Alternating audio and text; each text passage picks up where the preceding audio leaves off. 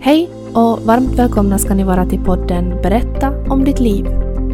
Mitt namn är Angelica och det är jag som står för den här podden. Idag så ska vi prata en hel del om eh, mental hälsa. Jag har med mig Elin som är mental coach. Hon är också mental tränare. Hon älskar att prata om obekväma saker såsom döden, trauma och skammen.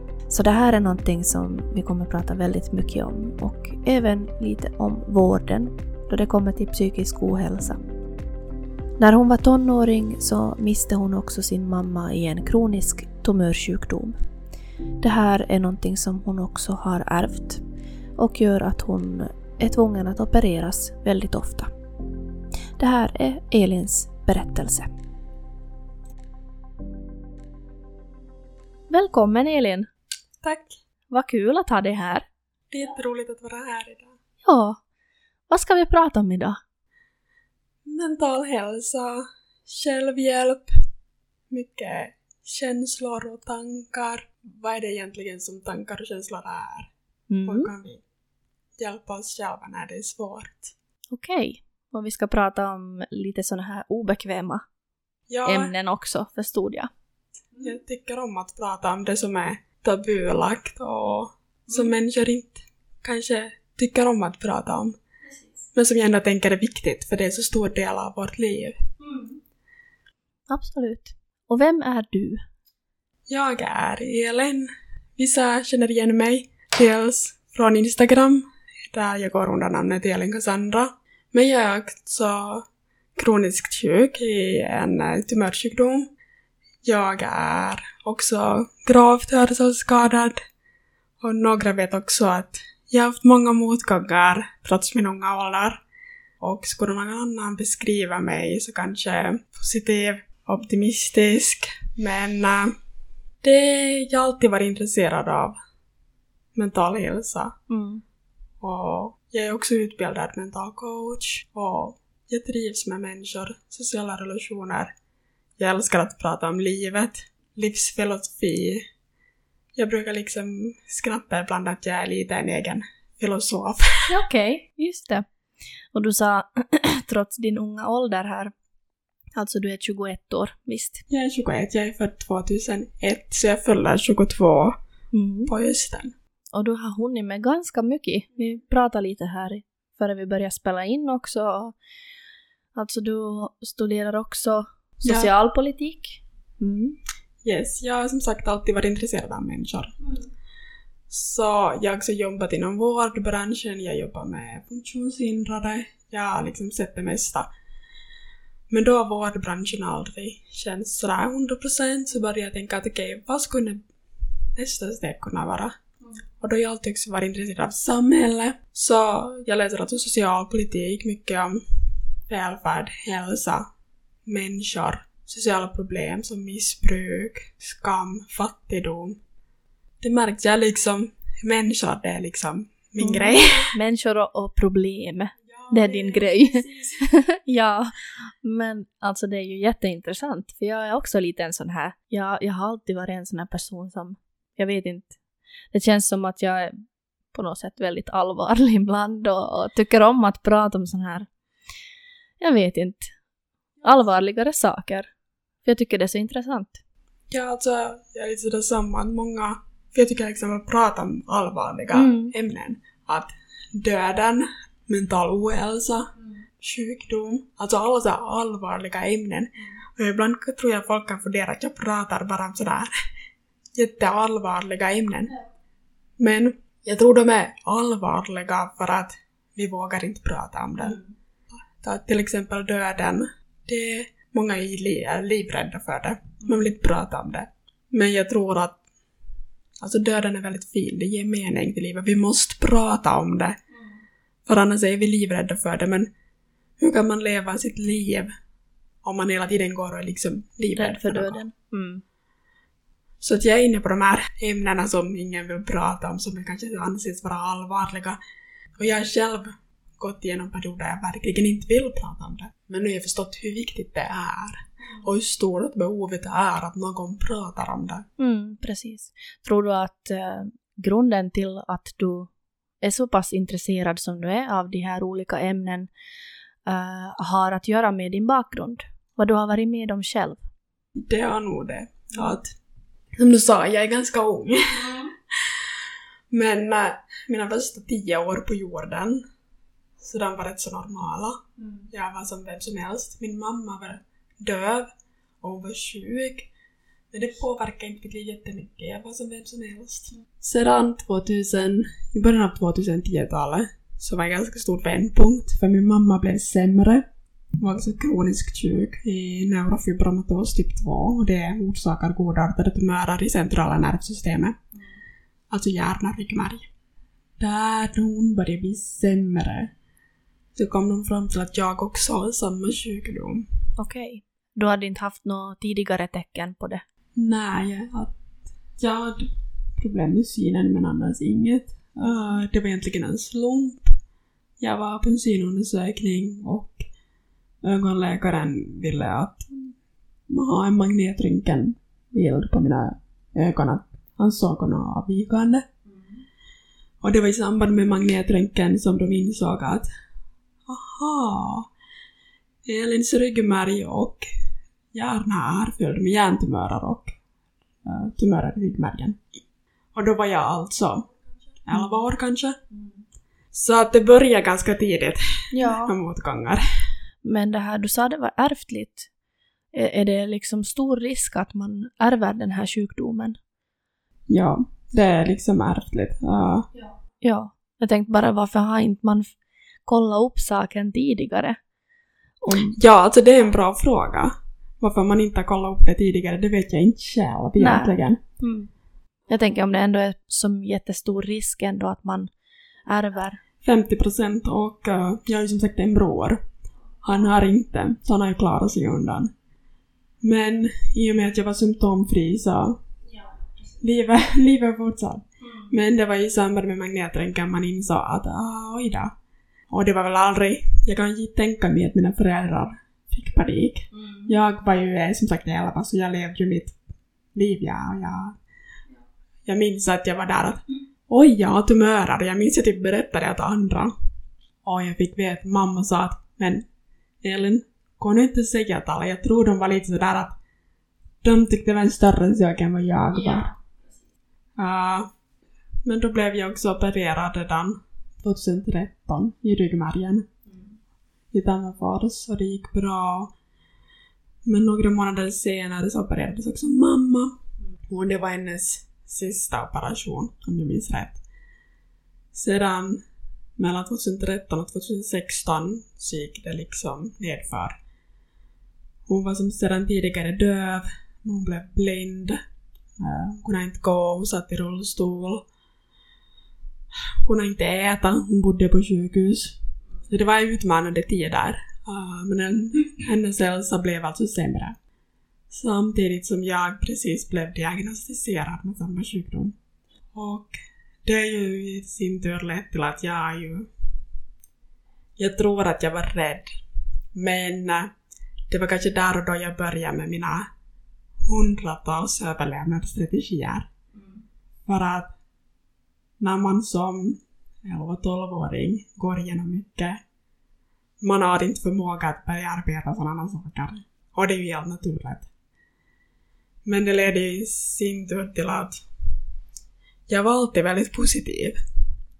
Jag vet jag har fått höra att oj, du är så positiv trots alla motgångar.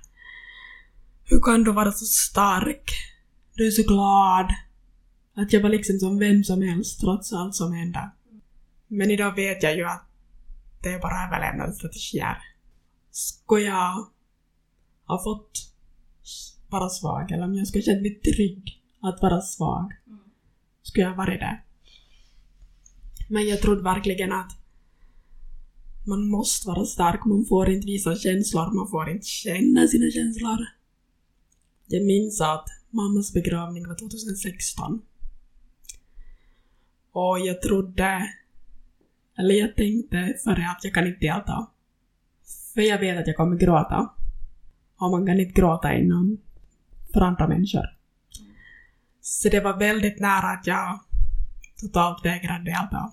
För jag ville inte visa mig svag inför andra. Vågar du vara svag ensam? Eller Jag har du helt stängt av dina känslor? Jag tillät mig aldrig att vara svag. Ja, för jag trodde, eller jag var övertygad om att det är fel. Och det blev också en grej att när andra människor ser det som positiv och hela tiden påpekar om det, så blir det ju en... Jag själv börjar ju associera mig själv med stark och positiv. Så jag trodde ju verkligen det var fel att vara något annat. Att det är dåligt att vara svag, dåligt att visa känslor. Och det blev ju en grej. Uh, som sagt, jag har fått flera stipendium för att dina betyg har varit toppbetyg av 9, 10 i allt. Trots svårigheter. Och bara några dagar efter att mamma dog var jag tillbaka i skolan. Och jag minns, jag vågade inte heller berätta det åt någon. För jag ville inte att någon skulle tycka synd om mig. Men vi bor i Jeppis. Staden är liten. Den är nog liten. Så att jag är ganska säker på att många visste om det trots att jag inte berättade. Men äh, jag var tyst om det. Jag pratade aldrig om det. Men det är ju inte så känslor fungerar. Många tror att känslor, speciellt negativa känslor, sorg, ilska, alltså alla känslor som många associerar med negativa. Vi tror att de vill oss något ont. Redan som barn får vi höra, om vi skadar oss, ramlar, så får vi höra att nej men gråt inte, det blir nog bra. Och jag är mycket medveten om att ingen vill oss något ont. Men det som händer där och då är ju att redan som barn får vi lära oss trycka undan våra känslor. Vi lär oss att, att gråta är inte en bra sak. För gråt inte, det blir nog bra. Men jag sprang som sagt undan mina känslor under tio års tid. Speciellt de negativa. Men idag förstår jag ju att det finns inga negativa känslor. Det finns inga dåliga känslor. Det finns känslor. Och de är till för att kännas. För att känslor har en funktion. Alla. Oavsett vilken känsla det är. Alla känslor har en funktion. Det är vår kropp som försöker säga något åt oss. Sorg, ilska, allt har en funktion. Desto mindre när vi springer ifrån dem. Så det har ni någon gång provat att lägga en ballong under vattenytan. Den hålls där om man trycker undan den. Men förr eller senare så kommer den upp till ytan.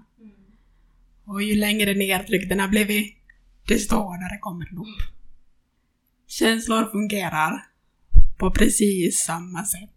Ju mer du trycker undan dem, ju mer du springer ifrån dem, ju hårdare smäller det när de väl kommer. Och det är bara en tidsfråga. Mm.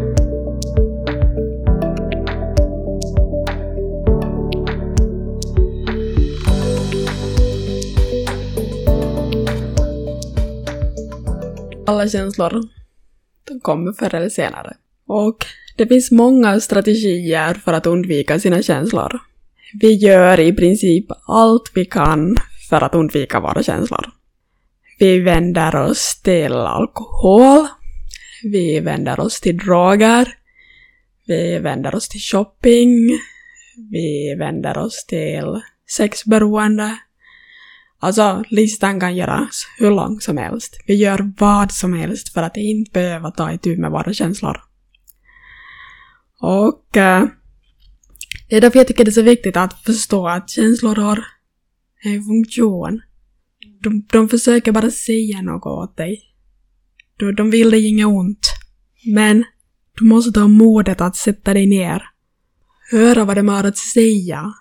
För att känslor försvinner endast genom att känna dem. Inte genom shopping, sex, alkohol, droger.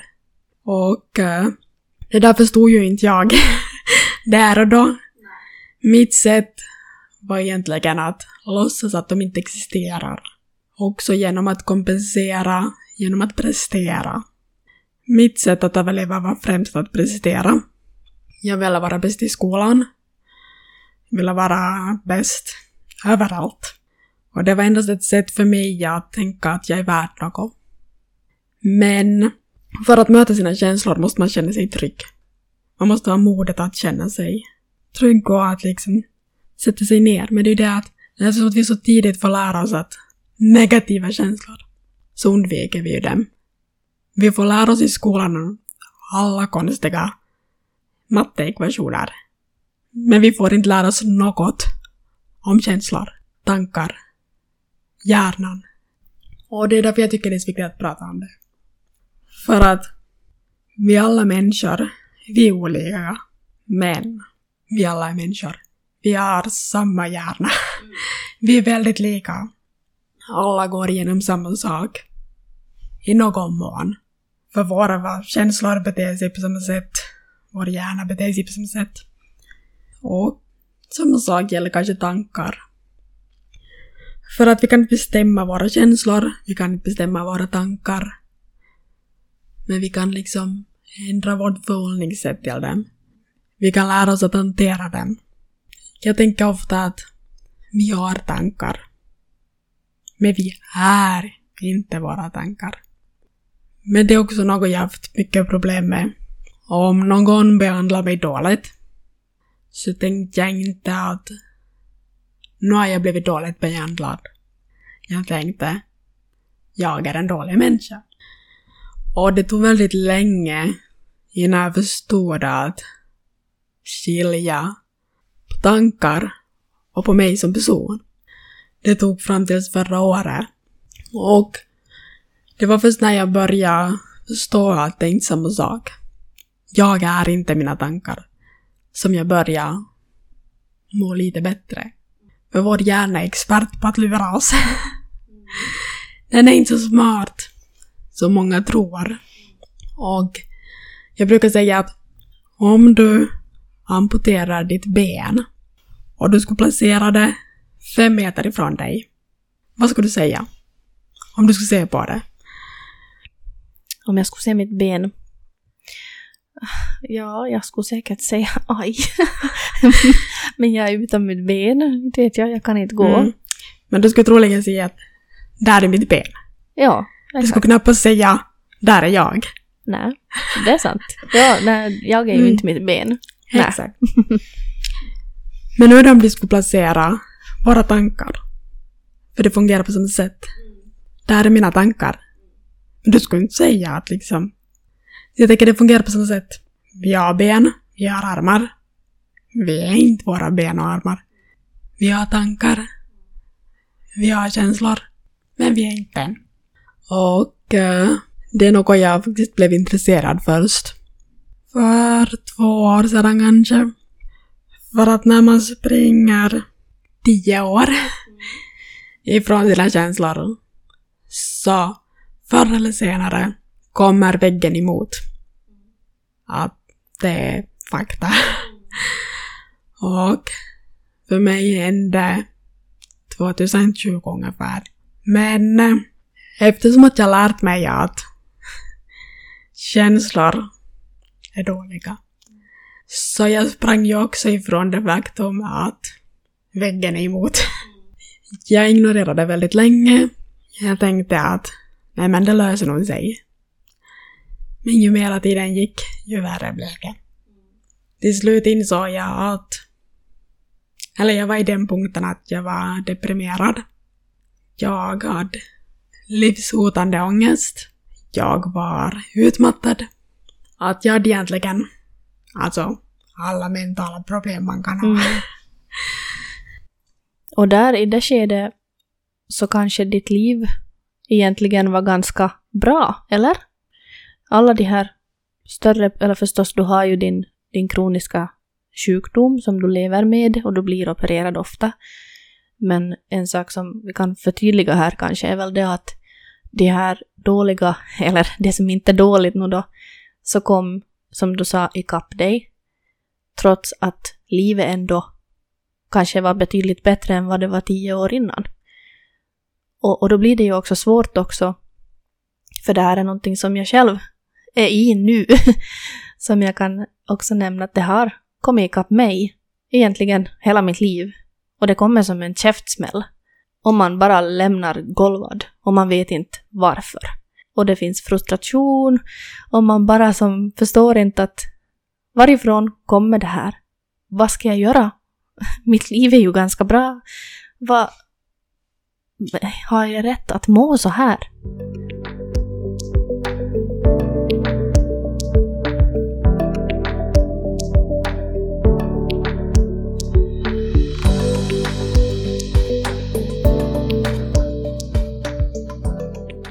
Jag känner igen mig. För att när det kom just från 2020, jag började må sämre. Och jag var verkligen så att vad är det här? Varför? Kan inte må så här, att allt är ju bra. För speciellt när jag började må sämre, det var verkligen runt 2020. Ingenting hade hänt. Okej, det var mitt vanliga liv, jag kroniskt sjuk, operationer, alltså klart stressande faktorer, men det var inget dramatiskt. Min mamma var redan död. Det är liksom stora händelser var historia. Varför just nu? Jag har inte rätt att må dåligt. Jag måste lämna mentala gränsen av dem som mår dåligt på riktigt. Men, och det kändes verkligen som en käftsmäll. och det var mycket frågetecken också. Varför? Varför nu? Jag har inte rätt att må så här. Men det var väl egentligen jag bad om hjälp någon gång någonstans kring 2021. Och det var väl då jag började inse hur mycket alla händelser från barndomen och tonåren, att hur mycket de har påverkat mig. Jag har inte varit stark som alla har sagt. Jag har använt starkhet, styrka, som en överlevnadsmetod. Mm. Du har egentligen varit en överlevare utåt sett så, se, så ser man ju en överlevare som stark. Men det är ju en överlevnadsstrategi man kör på då man är i en sån situation i livet. Det är lite samma som med mina prestationer. Jag fick beröm för dem. Men det var ju bara en överlevnadsstrategi och det jag egentligen skulle ha behövt var en trygg famn. Inte pengar för att jag presterade trots motgångar, för att när man som 14-åring förlorar sin mamma, du ska inte behöva prestera. Du ska inte behöva vara positiv. Du ska inte behöva vara stark. Det är liksom okej att må dåligt. Det är egentligen inte något man kan undvika. Och det är kanske en av de värsta åldrarna att förlora en förälder. Då man har just kommit in i det här tonåren och sökandet efter sig själv och nåja, kvinnliga problem som kommer och tankar och känslor och ja. allt möjligt. Kärlek hit och dit och... Exakt. Så det är liksom det, istället för den här trygga famnen så fick jag alltså pengar. Och någonstans det enda jag ville var ju att vara en i mängden. Och det var kanske därför jag inte berättade åt någon vad som hände. För jag ville bara känna mig normal. Och jag önskar att jag ångrar inget. Jag ångrar inget. För att man gör alltid det man kan med de resurser man har. Det jag däremot önskar är att jag skulle förstått att man behöver inte vara stark.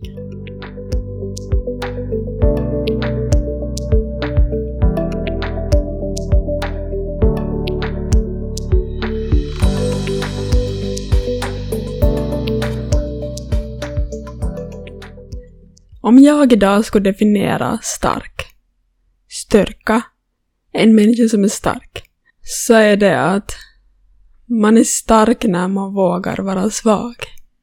För att vi klarar inte oss själva i livet. Det är inte meningen. Det finns stöd, det finns professionell hjälp, det finns, alltså det finns en uppsjö med människor som är för att hjälpa oss. Men tyvärr tror jag, och speciellt i Finland, och ännu mera i Österbotten, så tror jag det är en grej att vi ska klara oss själva. Vi är envisa. Och det innebär mycket skam att ta hjälp. Nej, men någon annan har nog det värre. Att inte behöver jag hjälp ännu och så håller du på sådär.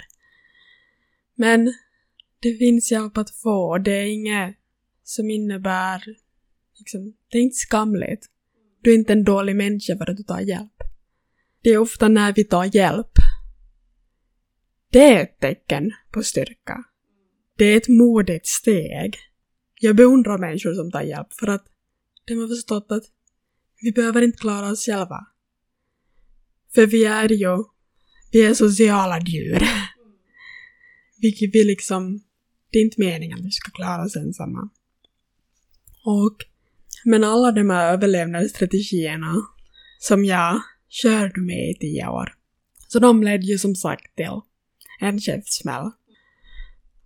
Och för exakt ett år sedan så var det väldigt mörkt. Som jag sa, mycket varför. Varför just nu? Men någon vändpunkt kom kanske i slutet av mars förra året. Då började jag kanske se ljuset i tunneln. Det var, jag var långt ifrån att vara, eller att må bra. Men det blev lite ljusare. Jag började läsa självhjälpsböcker. Och jag har som alltid tänkt att känslor är dåligt, smärta är dåligt, lidande är dåligt. Men idag är jag av den åsikten att det finns inga negativa känslor. Det finns känslor. That's it. Smärta och lidande, det är bra saker. och skulle någon ha sagt det här åt mig när jag mått som sämst, att jag ska ha blivit arg. För att, men det är inget du vill höra. När du mår som sämst, det sista du vill höra är att nej men smärta, det är en bra sak. Och, men där var ändå vid det laget att jag mådde lite bättre. Och jag tror jag sökt svar på varför mår jag dåligt. Främsta böckerna jag har läst är Saku Tuominen, Tommy Elsten, Mark Manson. Det är kända namn för folk som är inom den här branschen eh, med självhjälp. När jag började läsa de här böckerna för första gången på Ja, för första gången någonsin så kände jag mig sedd. Jag kände mig hörd. Och det var sådär att man känner igen sig. Alltså, allt jag varit med om, allt jag kände, mina tankar, det var som att min egen psykolog skulle ha skrivit den där boken. För att jag kände igen mig i allt. Och jag fortsatte läsa. Alltså jag läste helt sjukt mycket böcker. Alltså det blev nästan ett beroende. För jag märkte att jag mår ju bättre. Och som jag sa så kände jag mig sedd, hörd, bekräftad.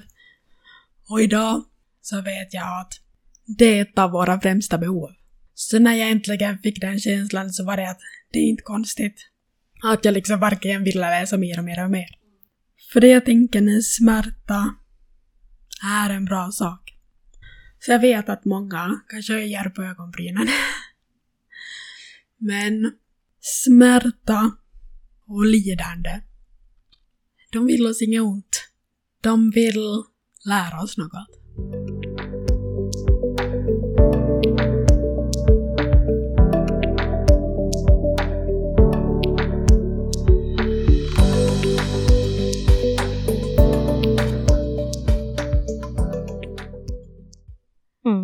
Att nu är det någonting som man måste ändra på. Eller någonting som man helt enkelt måste bearbeta. Vissa situationer kan man ju inte, ja, undvika, men man måste gå igenom dem. Mm. Och jag tänker 100 procent. Allt händer av en anledning. Även smärta. Det är bara livet som vill lära oss något. Och mitt i stunden när vi går igenom smärta, när vi går igenom nedförsbackar. Vi vet inte varför vi går igenom det just i stunden. Och det är ju förståeligt. Men när en tid har gått och om man börjar reflektera, och ta avstånd, så förstår man nog varför man behövde just den där upplevelsen. Till exempel, för ett år sedan som jag sa, Jag var på botten. På alla sätt. Men idag, så här ett år senare, jag är så glad. Jag är så tacksam för att jag äntligen var på botten. För att det säger sig själv, man kan inte springa hur länge som helst från sina problem, från sina känslor. Väggen kommer. Det är bara en tidsfråga. Och det var det som hände för mig. Såklart, jag förstod inte då. Men nu förstår jag och jag är tacksam. För att det är en vändpunkt i mitt liv och det ändrar hur jag ser på livet. Jag är inte längre lika rädd. Jag lever. Och förstår att till livet hör motgångar. That's it. För att hur ska vi känna igen glädje, toppar, om vi aldrig har nedförsbackar? Hur ska vi uppskatta dem? Jag läste faktiskt eh, ett quote, eller en quote, här igår eller förrgår. Och det är fyra ord. Men det, det är så sant. Och det har lite att göra med de här topparna och dalarna som du pratar om. Och det var så, så enkelt som No rain, no flowers. Och det tyckte jag var så fint. På något sätt. För det är så sant. Om inte det regnar så kommer det inga blommor. Då torkar ju allting ut. Så utan regn så... Ja. Och det är väl lite lika i, i livet också. Det, det går inte att ha sol varje dag. Exakt. Där tänker jag lite samma princip med mitt andra favoritämne, döden. Jag vet att många är rädda över det. Och det är såklart naturligt för att det innebär så många frågetecken. Men jag tror att... Okej, okay, men fakta är vi kommer att dö en dag. Det är liksom, det går inte att undvika. Exakt. Det spelar ingen roll hur rik du är, hur framgångsrik du är. Det spelar ingen roll vad din status är. Fakta är, du ska dö en dag. Och nu kanske någon tänker att oj vad allvarlig Men det är fakta. Och det är så stor del av livet. Men ja, en dag ska vi dö. Men alla andra dagar ska vi leva. Och för att leva fullt ut måste vi acceptera att en dag dör vi. Men jag personligen skulle inte vilja leva om vi aldrig skulle dö. För att om jag tänker att döden ger livet mening. Döden ger oss en riktning hur vi vill leva vårt liv.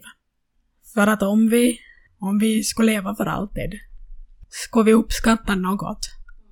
Skulle vi ta vara på något. Mm. Och jag tänker att döden är liksom en, den naturliga del av livet. Och även när det gäller anhöriga. Jag är som sagt, döden och jag, vi är kompisar. Har ni alltid varit kompisar? Ja, vi är kompisar. Ni har varit det? Även då, du, då din mamma gick bort? Jag tänkte att vad, vad kände du där? Mm. Du, kände ju, du tillät ju inte att känna så mycket, men uh, jag tänker att hur ser du på det att döden tog din mamma för tidigt? Ja, alltså, jag har väldigt svårt, alltså när det gäller mamma och döden där så jag har svårt att sakna henne. Dels för att på grund av mina överlevnadsstrategier så minns jag inte jättemycket. Jag har väldigt mycket förträngda minnen. Men mamma var i så dåligt skick att ja, hon var fysiskt till liv. Men hon levde inte. Och jag vet ju själv att jag vill inte leva som i det skicket hon var i. Och jag vet också att hon inte heller ville leva i det där skicket. På något sätt var det kanske en lättnad. För att hon var äntligen fri. För jag tycker inte det är inte samma sak att leva och att vara i liv. En människa kan vara i liv, men inte leva.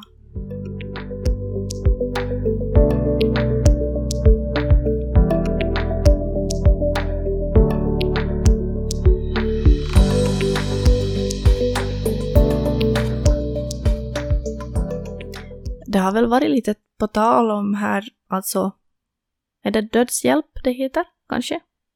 Alltså då någon är fast i maskiner. Nu kanske inte din mamma var på det sättet, men som du sa, hon var fysiskt i liv. Men hade säkert en hel del smärtor, kan jag tänka mig. Och, och hon kunde inte leva sitt liv så som man önskar. Hur ser du på dödshjälp? Är det något som du önskar skulle vara möjligt? Jag är ju för det, utan tvekan. ja, speciellt att jag har varit, eftersom att jag inte är rädd för döden. Jag vet att det är en naturlig del av livet. Jag är av den anledningen att vara i livet är inte samma sak som att leva. Jag har sett så mycket saker som är värre än döden. Och jag är absolut för dödshjälp och eutanasi. För att jag vet själv att jag är inte rädd för att dö. Men jag är rädd för att hamna i den situationen som mamma var i. Och jag vet att det är en fråga som väcker åsikter. Men det är något vi måste våga prata om. För att vår rädsla för döden, det är på bekostnad av de allra, allra svagaste som behöver vår hjälp. Och det är ett känsligt ämne, jag vet. Och det är en fråga som, eller det är en politisk fråga. Men eh, jag är alltså för det. Men det behöver alltså vara väldigt tydliga gränser, väldigt tydliga, alltså en regelbok. För jag vet att annars kan det... Gå fel. Exakt. Mm.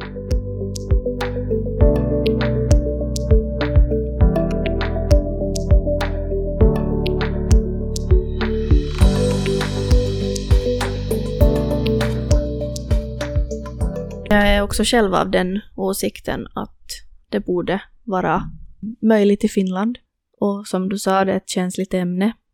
Och, och det här att det behöver finnas en regelbok med tydliga regler om hur det ska gå till också. Men jag tror att de flesta människor, om man skulle fråga dem, om de skulle hamna i den situationen, att det inte finns någon...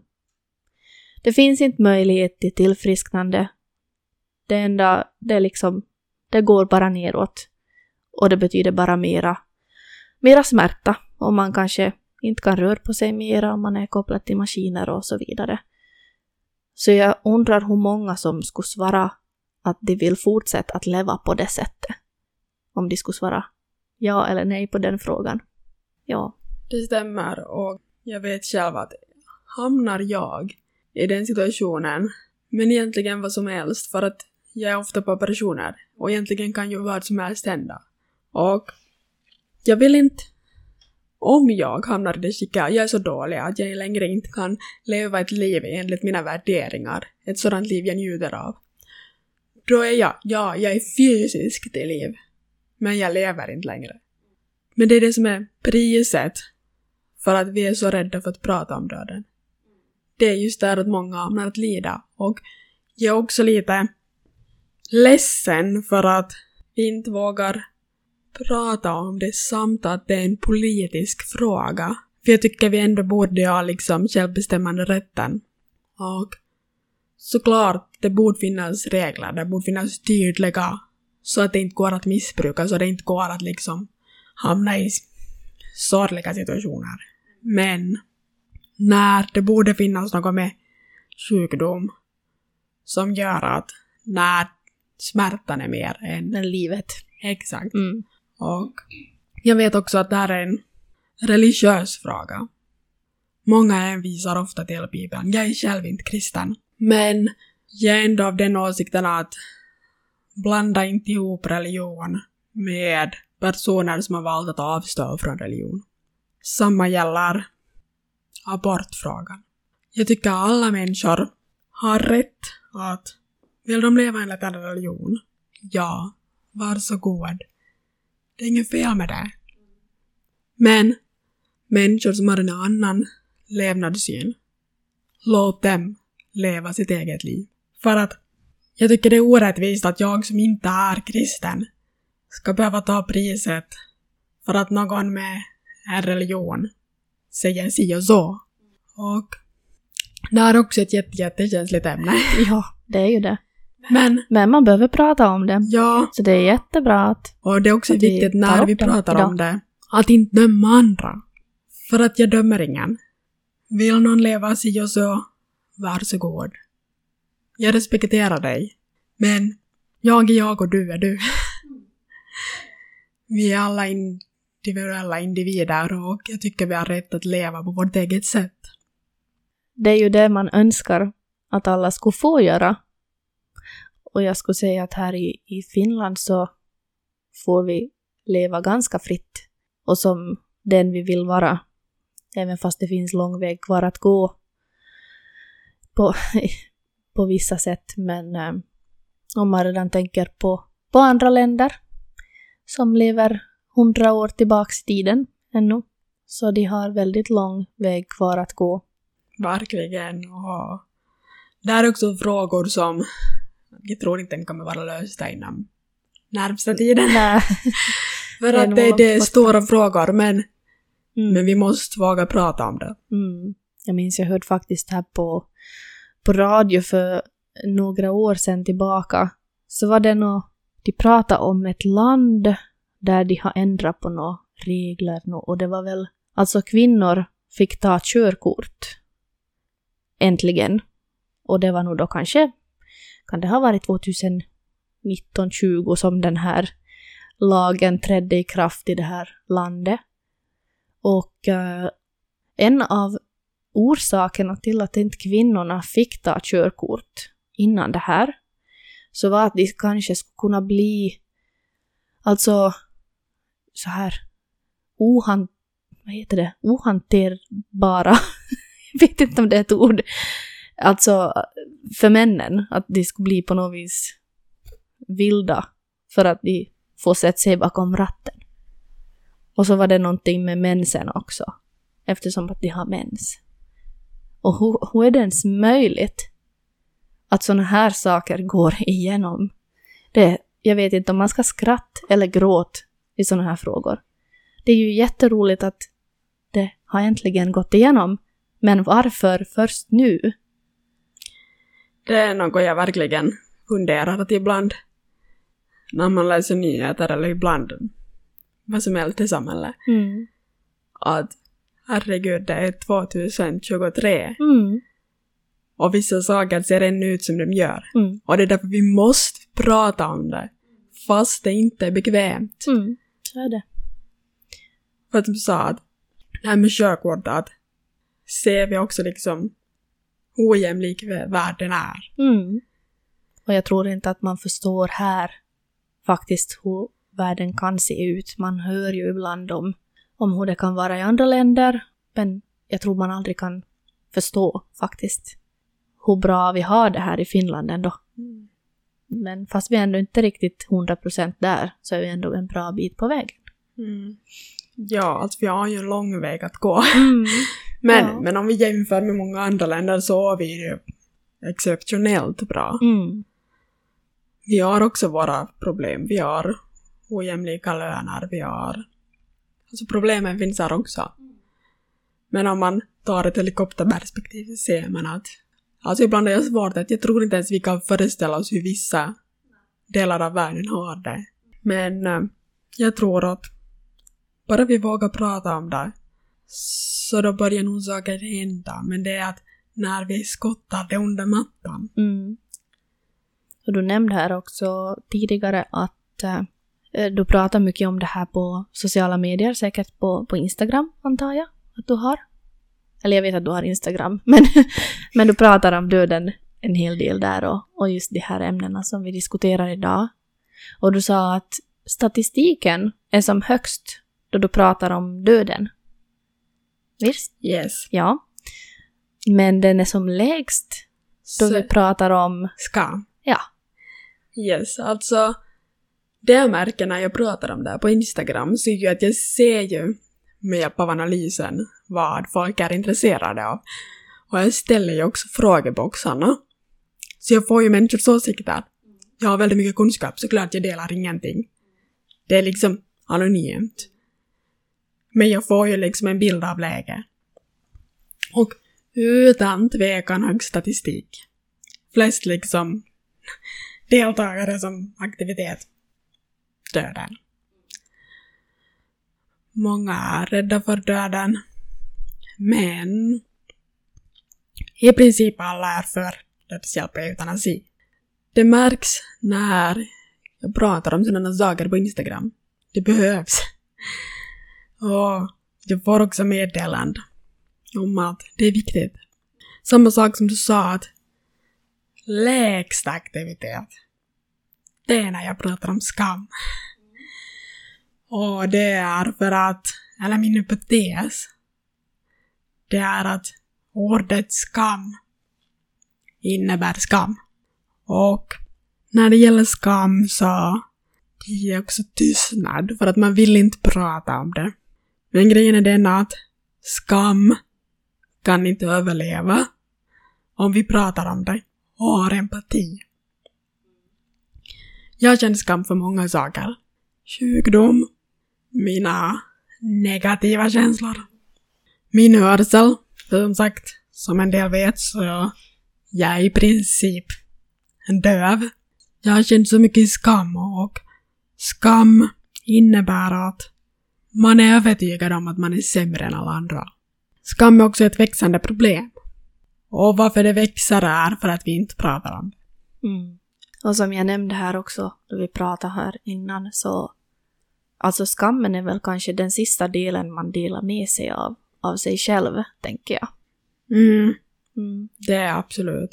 Om man nu tänker som till exempel med beroende eller något som du sa, sjukdom, känslor, tankar man säkert kan ha om allt möjligt. Så det är kanske sista, ta nu till exempel ett beroende. Ofta så, så går ju folk i ett beroende i tystnad och de skäms för att de vet att det är en dålig sak. Och det går så pass långt att man inte orkar mera med, med beroende eller skammen för att den får en att må så dåligt. Och det är väl först då som man ofta söker hjälp och faktiskt vågar prata om det. Och som du sa då, då överlever inte skammen mer oftast. Om man får rätt bemötande. Exakt. Och då är det också viktigt att komma ihåg med olika beroenden, överlevnadsstrategier. Ingen människa förändras före förändring känns som det enda återstående alternativet. För att förändring innebär... Alltså det är skrämmande. För vår hjärna är miljontals år gammal. Den söker sig till trygghet, för det var så man överlevde förr. Och trygghet och förändring, de hör inte ihop. Ingen människa förändras frivilligt. Det krävs liksom att det kommer en stund när man känner att nu finns det inte mer att göra än att förändras. En som missbrukar alkohol kommer aldrig att bli frisk förrän en har accepterat att en har ett missbruk. För att du måste acceptera det. Gör inte det så kan inte du bli frisk. Samma sak gäller ätstörningar. Alltså allt. Allt går från acceptans. Mm. Sedan kan du arbeta dig vidare. Jag, läst, eh, jag har nämnt tidigare i avsnitt så jag har inte ens läst färdigt den här boken för jag är så dålig på att läsa böcker fast jag skulle vilja läsa mera.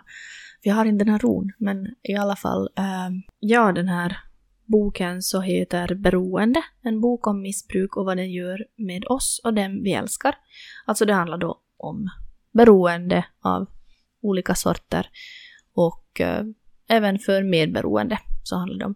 Men där finns ett kapitel som jag tror att det till och med heter Window of Opportunity. Och alltså det här betyder då att man kommer till en till botten helt enkelt. Och det slår så hårt att man får det här fönstret då öppnas. För att man är mottaglig att ta emot hjälp. Och att vissa kan få det här kanske en gång i livet. Det är så viktigt då att man faktiskt vågar sträcka ut sin hand och sök den där hjälpen då och där, inte imorgon eller i övermorgon för att läget kan se helt annorlunda ut då. Och skammen kanske tar över då igen. Så det, det tyckte jag var så här på något vis väldigt vettigt och logiskt.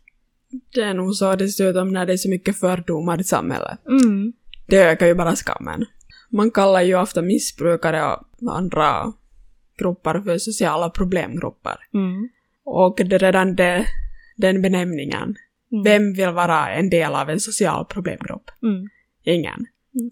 Så det innebär ju automatiskt att man känner skam. Och också just när det känns svårt att ta hjälp, som det är i Österbotten. Tröskeln för att ta hjälp, den är hög. Och det gör ju att skam bara liksom, det bara flyger ju i taket. Mm. Och det är jättesvårt att sträcka ut sin hand. Mm.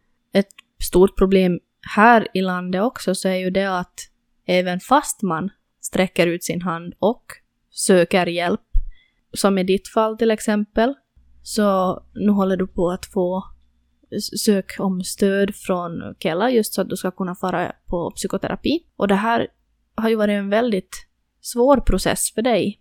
Yes. Där med att söka hjälp, det är ju det som är dåligt. Att för det första är ju tröskeln skyhög.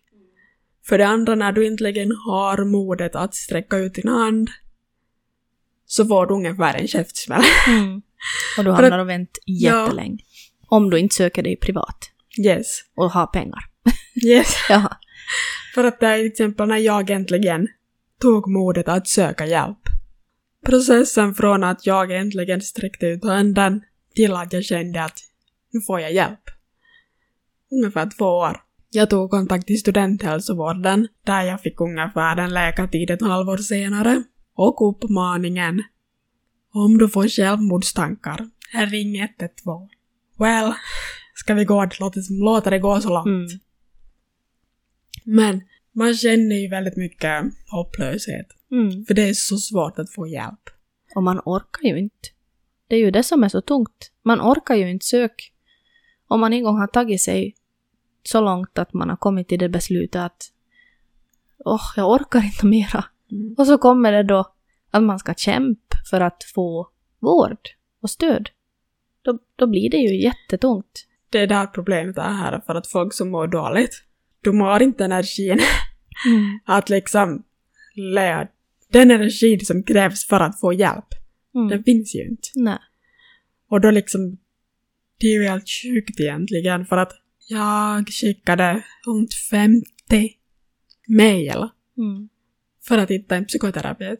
Mm. Och du sökte i både Vasa, Karleby och Jakobstad, visst? Yes, och jag var ända ute i Åbo. Ja, och du hittade en i Kokkola efter många om och men, visst? Ja, alltså, det var ju en kamp, men nu har jag hittat en. Mm. Men det var ju där att när man fick de där liksom 49 mejlen att nej, de har fullt. Mm. Och det här, det här var visst via eh, skolhälsovården. Ja. Då var jag ju ändå liksom, jag är ju svenskspråkig så att jag sökte första hand på svenska. Men i en tur så blev jag ju liksom så desperat att nu måste jag nu ta det här på finska. Mm. För att jag kan finska, men ändå bekvämare att med en psykoterapeut Mm. prata mitt modersmål. Mm.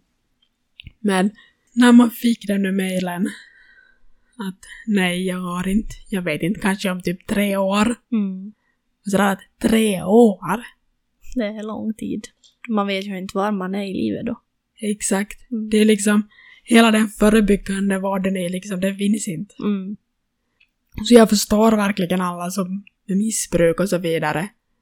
Att de, de inte ens orkar ta hjälp för de vet att de vet hur situationen ser ut. Mm. Där också som du pratar om beroende och medberoende, så det där tycker jag också synd om barnen i familjer som har problem med beroende. För det som händer är att när man har föräldrar, vårdnadshavare, som har något slags beroende, så är det ju att de är ju inte närvarande. Mm. Alltså de kan ju vara fysiskt på plats, men de är ju aldrig närvarande på riktigt. Mm. Och som jag tidigare nämnde, ett av våra främsta behov är att bli sedda, bekräftade. För att en annan människa ska kunna se oss, höra oss, bekräfta oss, krävs det att den är närvarande. Ja, så det som händer i hushåll där föräldrar eller vårdnadshavare inte är närvarande på grund av missbruk, arbets... Äh, narkomaner, alltså sjukdomar, vad som helst så är ju att barnen aldrig blir sedda, hörda och bekräftade. Och det leder ju i sin till att de skapar olika karaktärer och roller för att liksom klara av livet. Alltså massa med överlevnadsstrategier. Mm. Och anpassar sig säkert ganska mycket efter situationen. Ja, exakt. Och det leder till att när de här barnen sedan växer upp, så ofta de vet ju inte vem de är, får man frågan vem är du? De vet inte. Mm. För att de har levt liksom i en karaktär för att anpassa sig till sina vårdnadshavare. Och det här innebär i de flesta fallen att de mår väldigt dåligt. Risken för medberoende är ju stor. Och ofta är det så att om en förälder har till exempel alkoholmissbruk så barnet kommer inte att utveckla alkoholmissbruk. För att hen vet att alkohol det är liksom en förknippad med dåligt Mm. liksom. Så hen vill liksom ifrån det. Mm. Men hen utvecklar istället andra beroenden, till exempel arbetsnarkoman. Mm. Men eftersom att föräldrarna aldrig har lärt sig att ta tag i sina känslor så kan ju inte barnet det heller. Mm. Så det går ju liksom i generationer. Därför lyfter jag på hatten också att sådana som har modet att bryta cyklarna. Mm. För det är svårt. Men jag tror att, eller ja, kan nästan liksom intyga att det är värt det.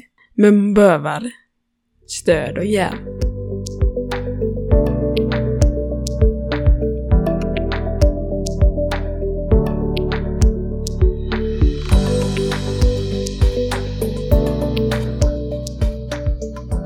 Jag hoppas ju att en dag så är mental hälsa jämställt med fysisk hälsa. För att jag läser väldigt mycket om trauma, olika trauman och så här. Grejen med trauma är ju att det är ju inte bara något som sitter mellan öronen. Trauma påverkar ju våra liksom biologiskt, fysiskt. Vår hjärna tar skada. Och jag hoppas att det verkligen skulle synas också. Samhället, synen på mental hälsa, synen på beroende, allt. Ja, det skulle vara så skönt om man skulle som kunna, som du sa, att det skulle måste vara mera jämställt. För att har man då brutit sitt ben så, så då är ju alla, oj, nej men den där personen har brutit sitt ben. oj, men nu är det ju som sex veckors sjukskrivning där. Exakt. typ. Det är som en självklarhet. Så det skulle vara så skönt att det skulle kunna finnas då en bild, en röntgenbild eller någonting som, som bara visar att ja, nej men nu har jag brutit hjärnan. Inte kan man ju göra det med vet du, typ att ja, det där, områ- om, det där området är liksom ja, sönder för tillfället, behöver läk och ofta så behöver det ganska lång till, det är ganska lång läkningsprocess. Mm.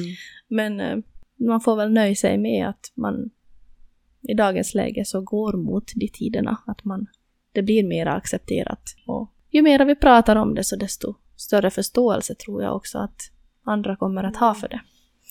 Och nu tror jag vi lever i en generation där vi har föräldrar, mor, farföräldrar så här som lever i den här äldre eh, tankeställningen så här att ja men att nu går det om tills du gifter dig. Mm. Exakt. Ja. Men eh, jag tror att mm, nästa generation, eller redan, redan som... Om jag nu tänker jag har två barn, jag försöker uppfostra dem med en sån syn som jag önskar att jag skulle bli bemött i idag också. Om det alls inte blir för flummiga tankar det här nu, men någonstans så hoppas jag att det skulle vara betydligt bättre redan då de blir äldre och att det är mer accepterat och ja. Det känns nog som att vår generation, det är en generation som på något sätt lägger ner foten. Mm, Vi försöker liksom ifrågasätta väldigt mycket. mm, Det här gäller liksom inom alla områden, för det finns så mycket fördomar mm, i samhället. Speciellt om liksom, till exempel missbrukare. mm, Speciellt i små städer som Jeppis. mm, Det är så mycket fördomar och jag känner bara att sluta vara så elaka. mm, att vi alla är människor. Försök sätta dig in i liksom den andra människans värld. Och grejen när vi dömer andra. En människa som dömer en annan är för att hen tror att hen är perfekt. Hen har inte mött sina egna svagheter. mm, För när en människa vet om att jag har svagheter, så då har man inte råd att döma andra för att mm, jag liksom vet inte varför jag ska ha rätt att döma någon andra, någon annan för den svagheter, när jag själv har svagheter. mm, Det är så fel enligt mig och speciellt med sociala problem i kroppen, men det är som missbrukare och så här. mm, Jag känner bara att jag vill ge dem stöd. mm, För att de är också människor. Så är det. De förtjänar också liksom ett bra liv. Mm. Absolut. Men vi måste göra liksom tjänsterna tillgängliga och sluta döma andra. Mm. Så är det. Jag har, man ser ju ganska ofta såna här na TikToks och allt möjligt och de gör såna här sociala experiment och de flesta är ju säkert, alltså det, det är inte äkta så att säga, men man får liksom bilden av hur det kan se ut. Och det här, och vissa av de här experimenten så går ut på att då till exempel en, en um, alkoholberoende så ligger så att säga medvets, medvetslös på, på gatan och folk bara går förbi. Och så kanske en på 30 personer stannar. Och ja, kanske just den där videon så kanske man inte tror på, men eh, jag var faktiskt med om det här själv 2012 då jag var på en resa till Spanien. Jag var ut med min bästa kompis.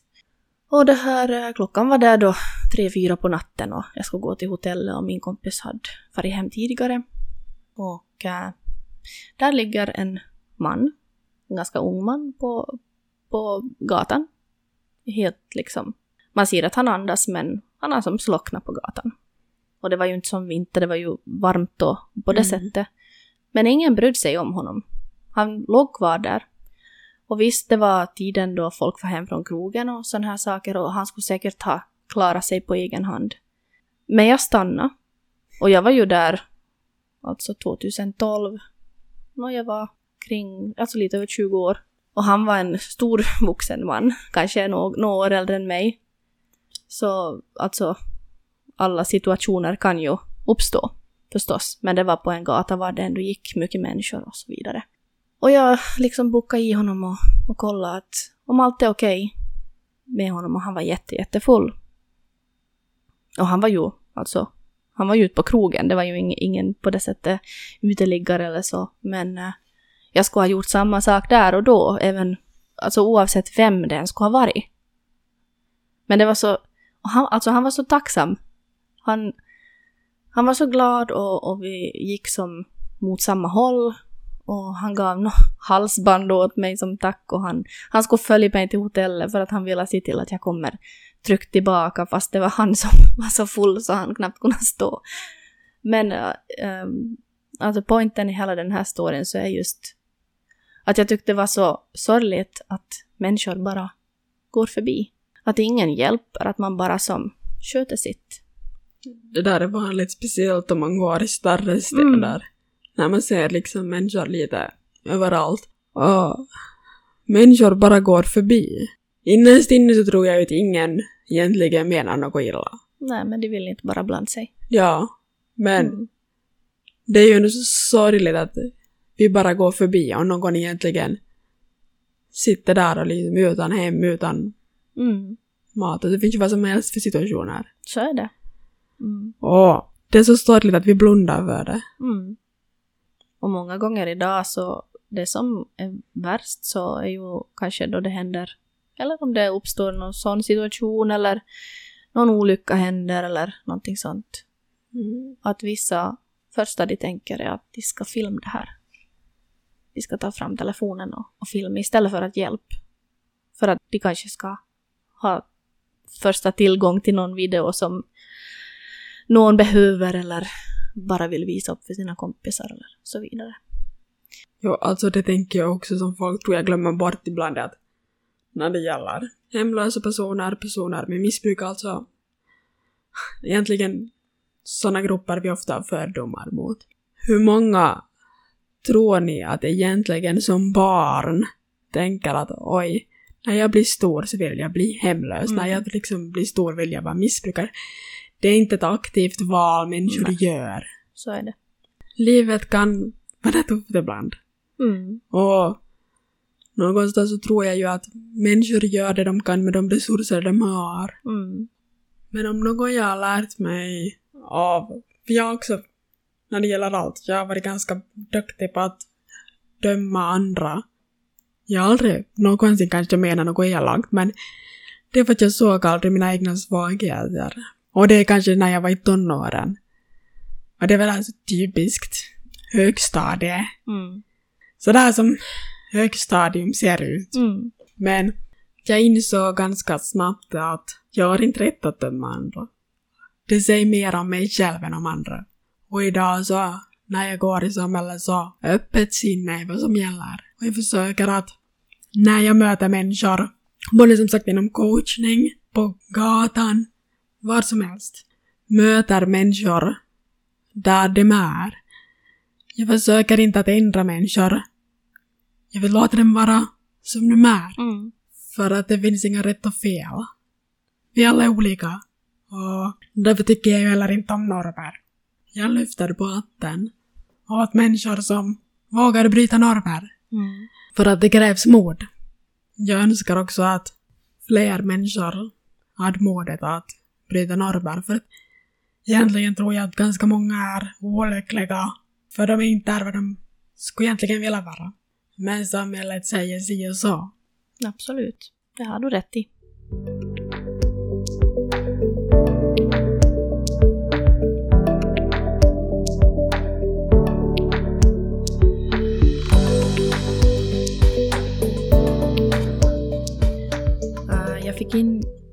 fråga via Instagram. Det är då en som har frågat hur kan jag bättre stödja min tonåring? Är ofta ensam utanför och vill sällan göra grejs med oss föräldrar. Jag tror man måste börja med att möta tonåringen var hen är. För att är man också väldigt sträng och hård mot unga människor så det ökar bara motstånd. Försök byta perspektiv. Sätt dig in i den andras position. Och kanske viktigast av allt, kommunikation. För att vi kan inte veta vad andra tänker. Vi måste kommunicera. Ja, jag tänker också som överlag om man själv var som tonåring och säkert som många tonåringar är, så man, man sluter sig ganska mycket. Ja men absolut, men jag vet också att själv som tonåring, att det är ju inte jättelänge sedan jag var tonåring. Men det är klart, man ser ju lite annorlunda på världen. Man gör det, man har ju annan samhällssyn om... Man vill ju väldigt gärna vara en del, en del i, i mängden. Och Mm. så, jag kan säga att som jag sa, att ett av våra främsta behov är att känna sig sedd, hörd, bekräftade. Mötena tonåringen var den är. Mm. Dra inte liksom slutsatser, fördomar. Och ett misstag som jag också vet liksom, som många gör mot tonåringar är att väldigt hårda mot den. Mm. Försök liksom att empati Mm. och som jag redan sa, möt den var den är. Försök förstå ens världsbild Mm. och kommunikation. Mm. Ja, kommunikation är ju grunden i i vilken relation som helst. Den, den måste fungera. Men man är ju väldigt sluten som tonåring. Att hur får man en tonåring att faktiskt öppna upp sig? Det kan ju vara att hen mår ganska dåligt av någon orsak och man kanske man kanske som förälder är orolig eller så här. Jag vet inte. Skulle vilja att man pratar mera. Berätt, berätta åt mig vad som är på gång. Men många gånger så kanske, så kanske de inte berättar i alla fall. Att vad, vad skulle du rekommendera då? Ofta, ja speciellt under tonåren, så har vi mycket problem. Mm. För det är det det hör till. Men när, just som jag sa, vi vill bli hörda och det betyder också att 90 procent av gångerna som någon vill berätta något för dig, den vill inte ha lösningar. Den vill bara att någon lyssnar. Mm.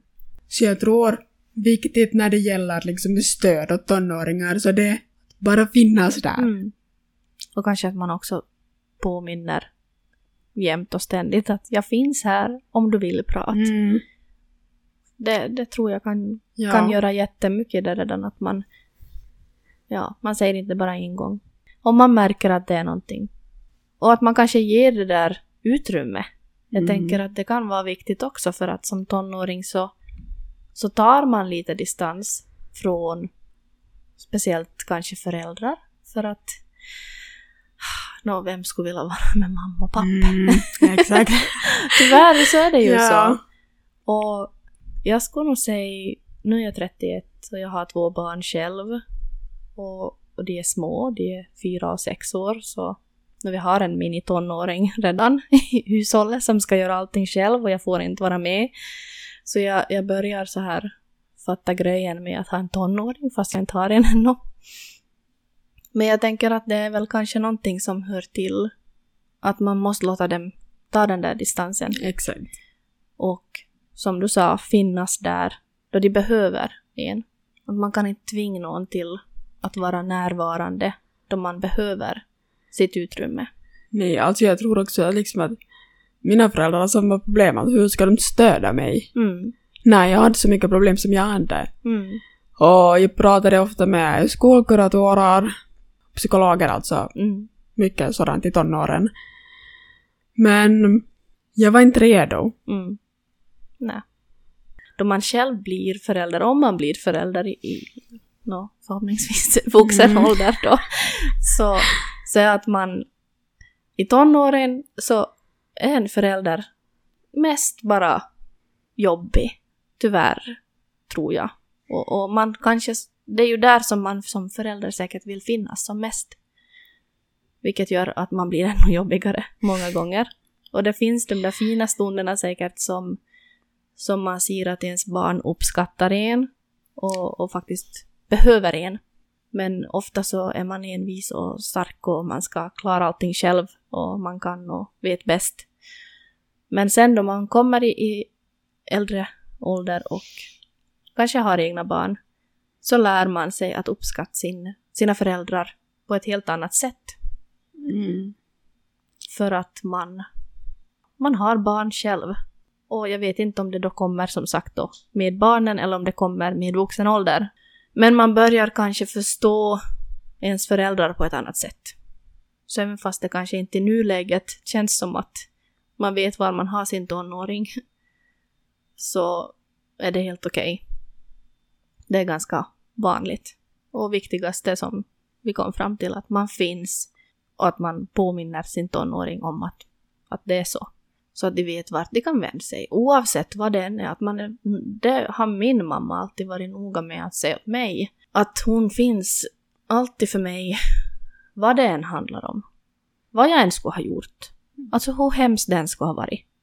Nu har inte jag gjort så jättemycket hemskt vad jag vet av. Men, men att man vet att man redan bara som har det i, i sitt bakhuvud som tonåring eller som barn att vad man än gör så, finns, så har jag alltid någon som lyssnar och som finns för mig.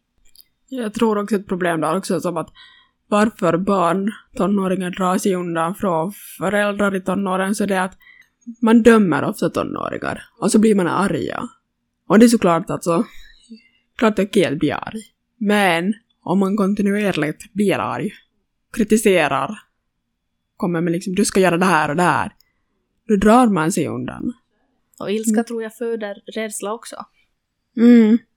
Jag försöker åtminstone tänka så att, alltså visst, man blir arg, ibland blir man för arg och man har dåliga dagar och man orkar inte alltid vara den här eh, psykologiska mamman som man skulle behöva vara varje dag och komma med rätta svar och så vidare. Men om man strävar efter det att, att man ändå alltid kommunicerar med sitt barn på en liksom vettig nivå, att man som inte blir arg, höjer rösten alldeles för mycket, blir rop och skrik om hur fel man har gjort eller hur, hur man kan tänka så här och varför gjorde du så där, utan att man istället liksom diskuterar saken, om det är någonting som, som har hänt eller så vidare. Att man, att man kan prata om det. För blir man arg en gång så behöver inte vara att de pratar nog flera gånger med en. Exakt.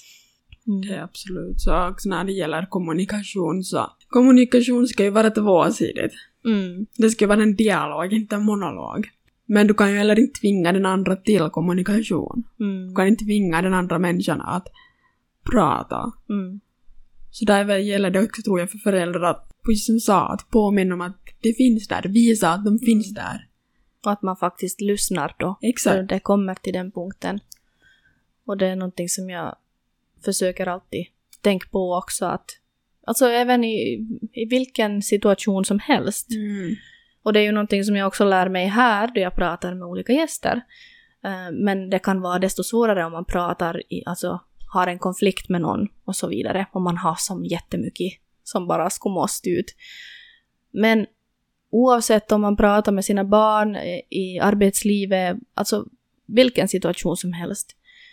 Kommer man till en sån besvärlig diskussion, konflikt eller någonting, lyssna alltid på vad den här andra personen har att säga. Kör inte över Exakt. utan att man lyssnar färdigt och faktiskt försöker lyssna och inte bara har sina egna tankar som man försöker möblera om i sitt huvud så att man ska få ut dem. Så, så det tror jag är jätteviktigt, att man lär sig vara tyst då någon annan pratar. Och sen då den har färdigpratat så då kan man liksom prata vidare. Eller att man börjar på det sättet. Jag har ju själv varit chef och där har det någon gång också uppstått några konflikter mellan anställda och, och vi har haft några möten då. Eh, så att de har fått prat ut. Och där har jag varit väldigt tydlig med den saken att innan vi börjar diskussionen så lyssna på varandra och avbryt inte varandra. Utan låt en prata och sen pratar den andra. Så det tänker jag att kan vara bra också med en tonåring. Och ofta med tonåringar så kan det ju vara också så att man först då de, då de berättar eller då det liksom kommer till den punkten så exploderar det för att det har bubblat väldigt lång tid inombords. Så, så lyssna färdigt, låt dem explodera tills de har lugnat ner sig och så sen pratar man. Exakt. Och som jag brukar säga. Stora öron, liten mun. Ja, bra uttryck. ja, Mm. men att man verkligen sak. Var Mm. tyst. Ja. Lyssna. Mm. Och dra inte liksom slutsatser om vad den andra tänker. Lyssna vad den har att säga. Mm. Långt svar det här, men kanske det var till någon hjälp. Hoppas att det inte blev för flummigt. Men jag tror inte. Jag tror det blir bra.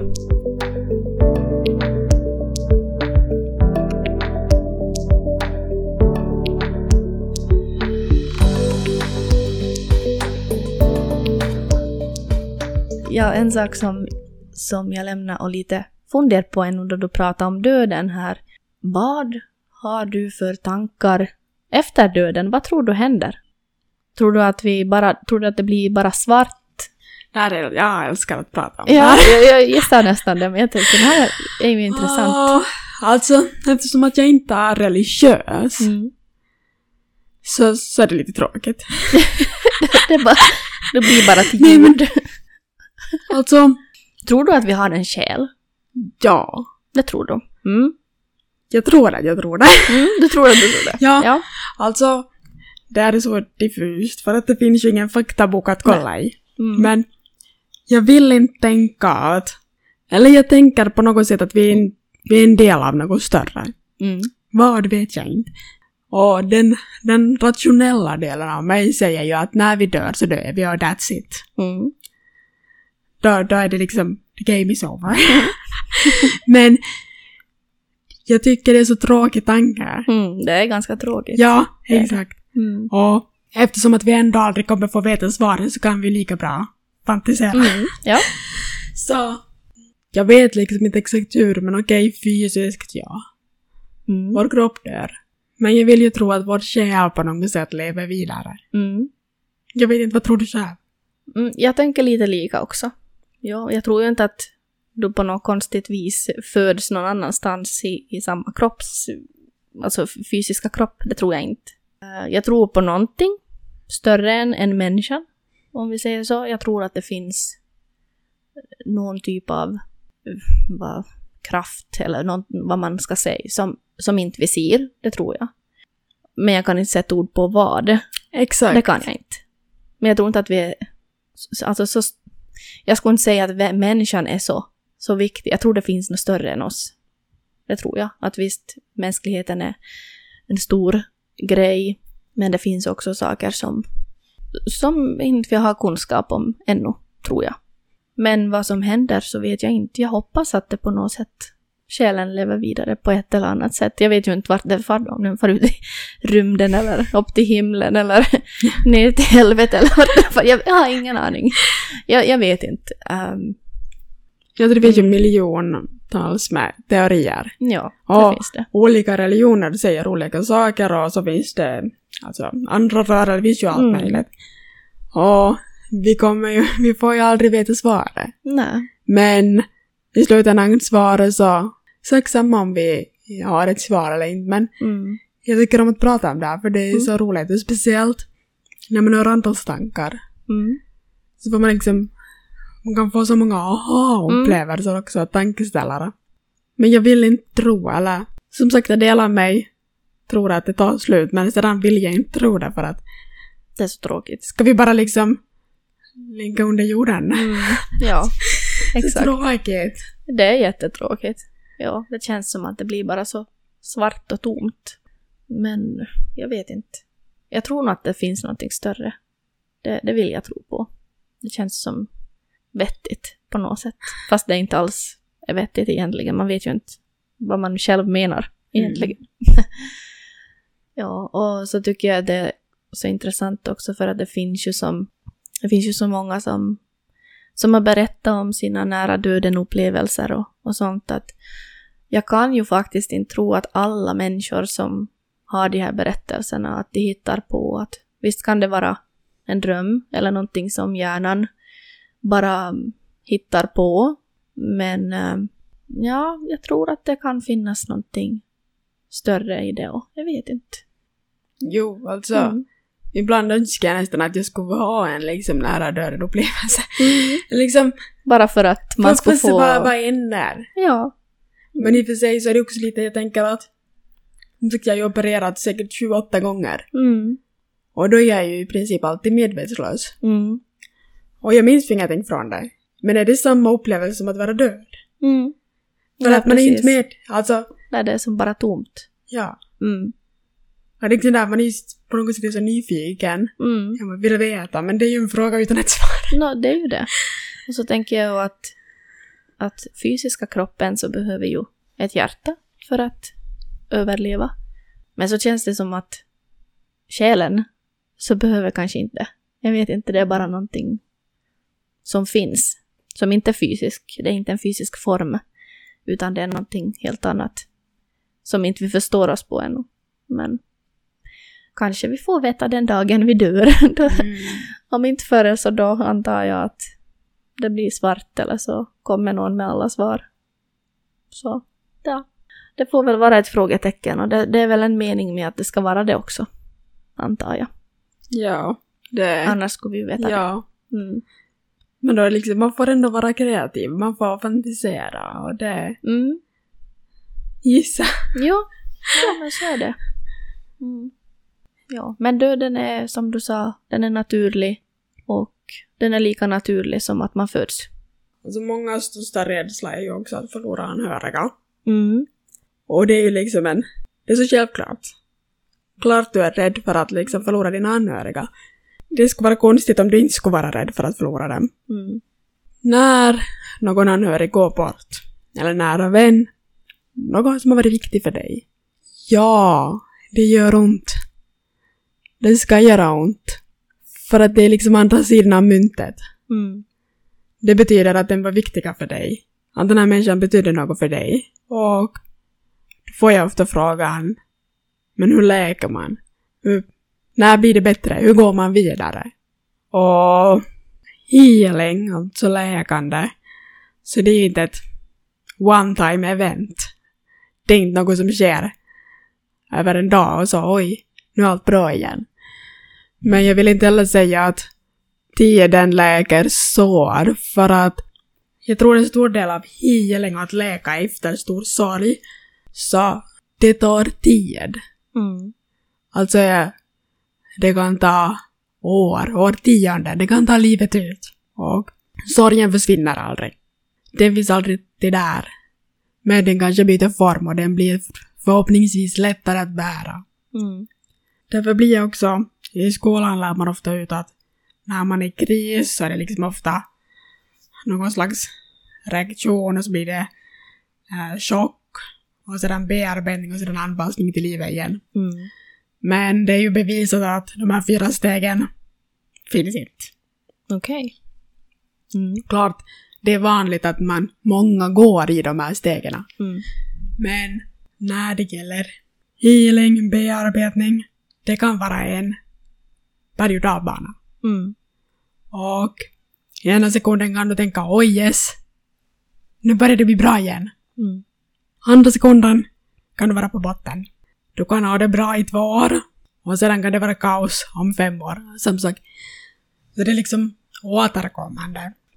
Jag tror vilket när det gäller sorg och sorgebearbetning, kom ihåg att personen som längre inte finns, nej, fysiskt så finns det inte. Men alla dina minnen Mm. finns kvar.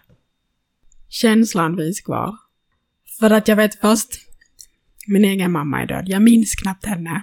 Men ändå känner jag väldigt ofta att hon är med mig. Mm. Fast hon inte är fysiskt med mig. Speciellt om du liksom är i en tung period just nu, du just har förlorat någon. Ja, det känns hemskt. Men jag lovar dig. Det blir bättre. Jag kan inte säga att tiden läker sår, men du kommer att anpassa dig. Mm. Och livet blir nog bra igen. Mm. Det var bra sagt. Jag tänker av egen erfarenhet också så min eh, kära morfar så han gick bort 2015 så det börjar vara ganska många år sedan. Och han var väldigt kär.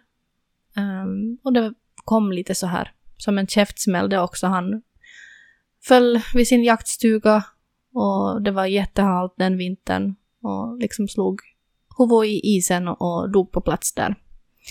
Så det kom som en chock på något vis. Men äh, det jag vill komma till så är det att äh, jag går inte till gravgården då jag ska prata med morfar. Utan jag, jag ville ha en sak. Jag ville ärva en sak av, av hans saker och det var hans keyboard. För jag är uppväxt med eller jag har varit väldigt mycket hos min mormor och morfar som liten.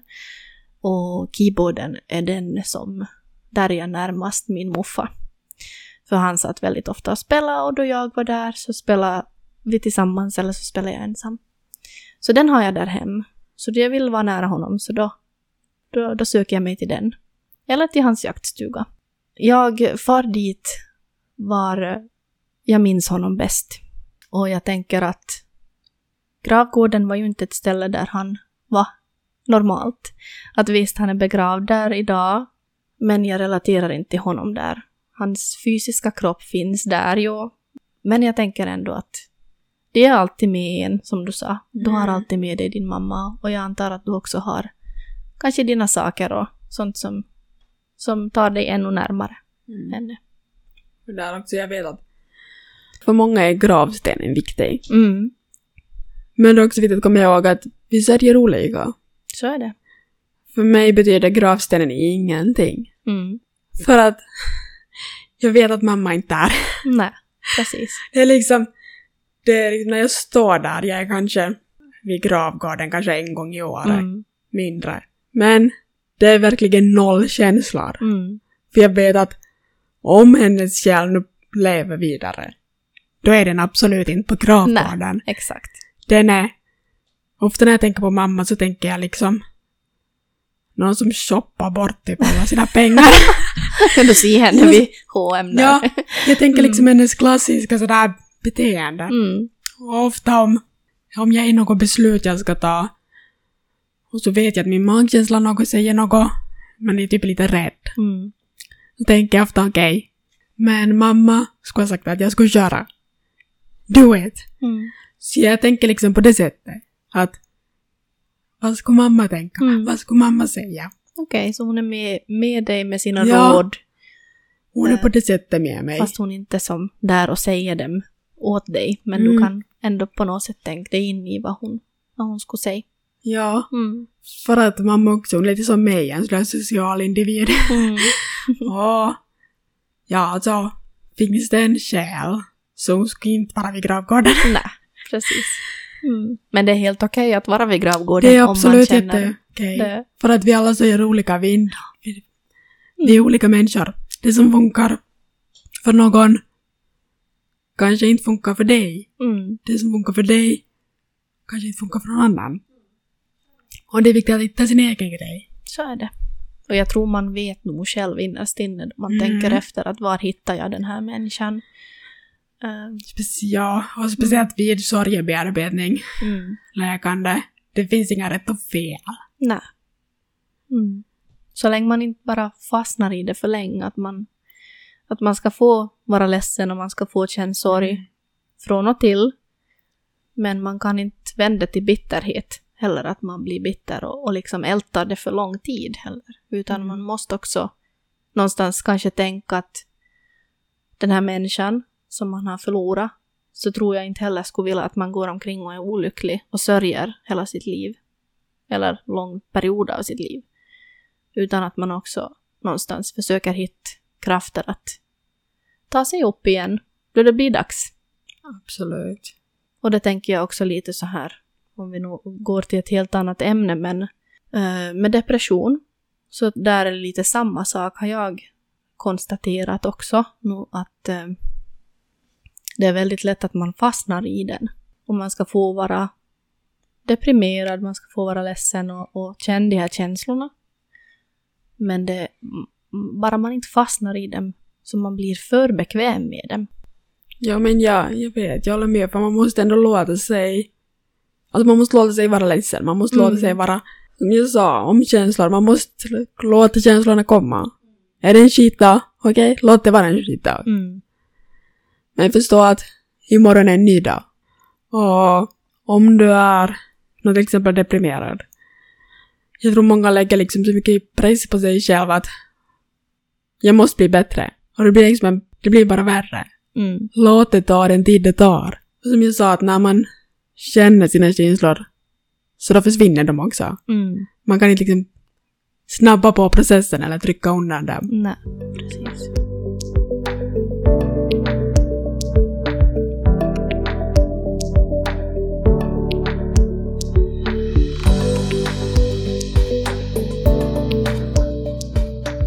Vad tänker du om medicinering där?